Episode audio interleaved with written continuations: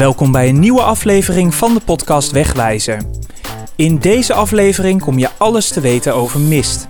Het komt regelmatig voor en het kan je zicht ernstig beperken tijdens het rijden. Mijn naam is Iskander en samen met Jeffrey ga ik naar weginspecteur Marcel. Hij heeft een aantal tips voor je om veilig op pad te gaan. Maar voor we hem ontmoeten, zoeken we eerst uit hoe mist ontstaat. Daarom gaan we langs bij Alwin van het KNMI. Als er dichte mist is, ziet hij dat vaak als een van de eerste in het land. Mocht dit gevaarlijke rijomstandigheden opleveren, dan brengt hij een weerswaarschuwing naar buiten. Mijn naam is Alwin Haklander. Ik ben veiligheidsmeteoroloog in de Weerkamer van het KNMI. En uh, we zijn ook bij het KNMI uh, op het meetveld. Wat is mist precies? Um, ja, mist bestaat uit uh, ontzettend ontelbare hoeveelheid kleine waterdruppeltjes. En die waterdruppeltjes zorgen ervoor dat het licht verstrooid wordt. Zodat je ja, objecten minder goed kunt zien. En we spreken van mist als het zicht onder de 1000 meter gaat. Dus uh, daarvoor heb je al een stadium dat heet nevel.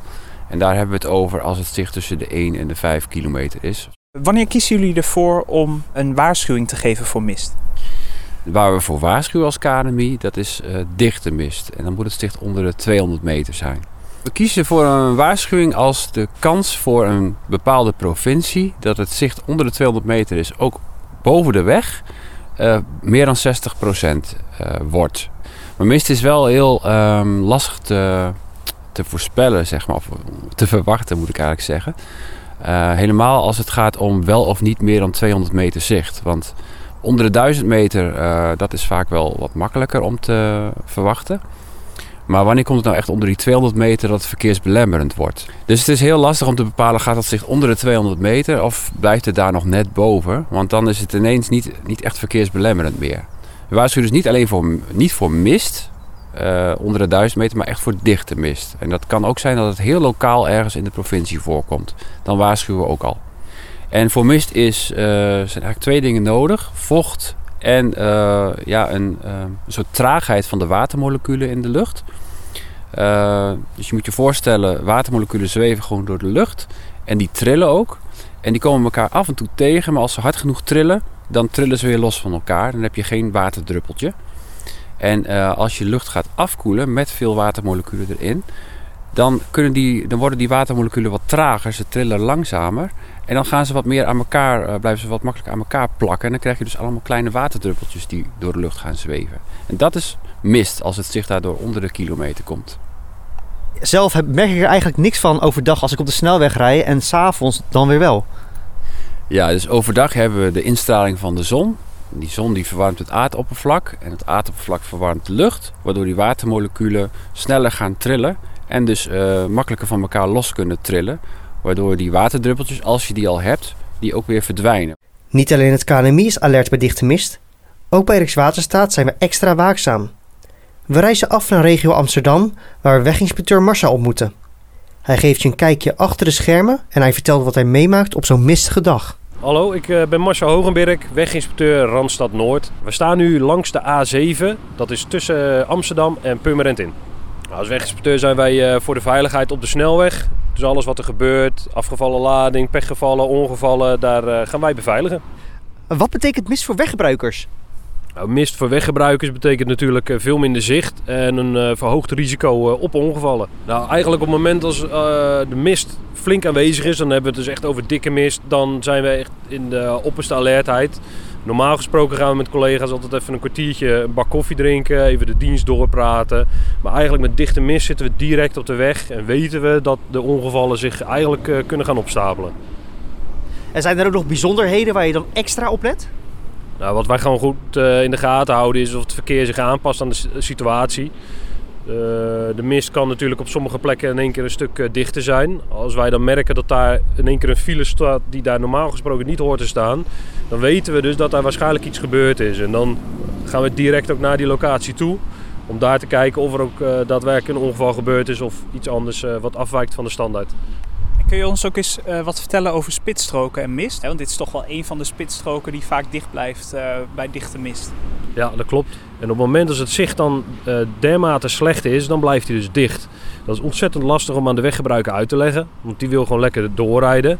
Maar je moet kunnen begrijpen dat als daar iemand met pech stil komt te staan op een open spitsstrook, dan moet hij dus wel met de camera gezien kunnen worden. Want anders kunnen we er dus niks mee. De camera's moeten dus volledig zicht hebben op de spitsstrook om ieder pechgeval wat zich daar bevindt te kunnen signaleren. En anders? En anders blijft hij dus gewoon dicht. Het KNMI waarschuwt regelmatig voor mist met code geel. Om weggebruikers te attenderen plaatsen we dit ook op ons Twitterkanaal. Alweer code geel horen we dan vaak van weggebruikers. Zo schreef een twitteraar laatst: Het valt toch wel mee met die mist? We vragen aan meteoroloog Alwin waarom het belangrijk is om toch te waarschuwen, ook al zie jij de dichte mist niet. Code geel geven ook uit voor plaatselijke fenomenen die gevaarlijk kunnen zijn. En uh, ja, daar valt ook mist onder. Mist kan heel plaatselijk zijn, helemaal als er sprake is van mistbanken. Dan kan het zijn dat je de wereld uitkijkt en dat je de bocht omgaat en ineens een dichte mistbank inrijdt, wat heel gevaarlijk kan zijn.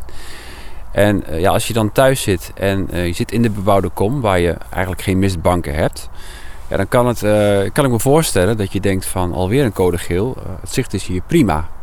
Maar dat zit er dus achter. Dus echt als het verkeersbelemmerend is en het gevaar kan opleveren voor weggebruikers. Ja, en typisch zie je dat dat pas het geval wordt als het zicht onder de 200 meter komt. Dat het uh, belemmerend wordt of zelfs gevaarlijk voor het verkeer. Ja, en kun je ook eens iets vertellen over uh, de samenwerking met Rijkswaterstaat op het gebied van mist? Het is voor ons vaak ook de vraag, uh, komt de mist de weg op? Want onze zichtmeters die hangen, of die, die staan in weilanden. En um, ja, vaak is het zo dat het wegdek net wat warmer is dan uh, de vegetatie. En dat die, die mist, zodra die uh, de weg opkomt, meteen eigenlijk oplost. Zodat het wegverkeer er helemaal niet last van heeft. Terwijl er wel mistbanken zeg maar in de weilanden hangen die wij ook meten met onze zichtmeters. Dus helemaal situaties met ja, echt weinig wind dat, uh, dat je mogelijk uh, dus alleen mistbanken boven de weilanden hebt, dan, uh, dan bellen we ook met Rijkswaterstaat van ja, wat, wat zien jullie op de camera's, wat krijgen jullie terug van weginspecteurs. Dus dat is, is heel waardevol voor ons. Ga je met dichte mist de weg op, dan is het handig om goed voorbereid te zijn. Zo ga je veilig op pad. We gaan nog even naar weginspecteur Marcel, want hij heeft nog een paar tips voor je.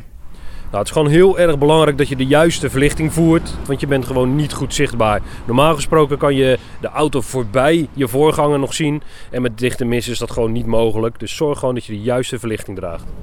Ja, sowieso uh, controleer altijd waar je, je mislampen uh, schakelaar zit voordat je vertrekt. Dat hoef je natuurlijk niet iedere dag te doen, maar op het moment dat je in één keer in dichte mist komt en je moet dan die knop gaan zoeken, dat is natuurlijk geen goed idee. Dus zorg gewoon dat je van tevoren weet waar dat die zit. En weet ook wanneer je ze moet gebruiken. De voormislampen uh, die gebruiken we bij 50 tot 200 meter zicht. En pas uh, minder dan 50 meter gaat de achtermislamp pas aan. Op het moment dat je ook de afstand niet weet in te schatten op de snelweg, kijk dan gewoon naar de hectometerbordjes. Die staan altijd op 100 meter afstand. Kan je het derde bordje nog zien? Nou, dan zit je dus op de 200 meter zicht. Dus dan zit je safe. En kan je eigenlijk het eerste bordje al niet meer zien. Dan mag je ervan uitgaan dat het zicht minder dan 50 meter is. En dan nog een tip er wordt natuurlijk altijd uh, de slogan geroepen: uh, halveer je, je snelheid en, en, verdubbel je afstand. Persoonlijk vind ik eigenlijk het halveren van de snelheid, zou ik eigenlijk willen zeggen, pas je gewoon aan aan omstandigheden. Dus op het moment dat je 80 rijdt en je gaat 40 rijden, ga je natuurlijk een andere gevaarzetting creëren. Dus pas gewoon je snelheid aan en die verdubbel je afstand, hartstikke goed.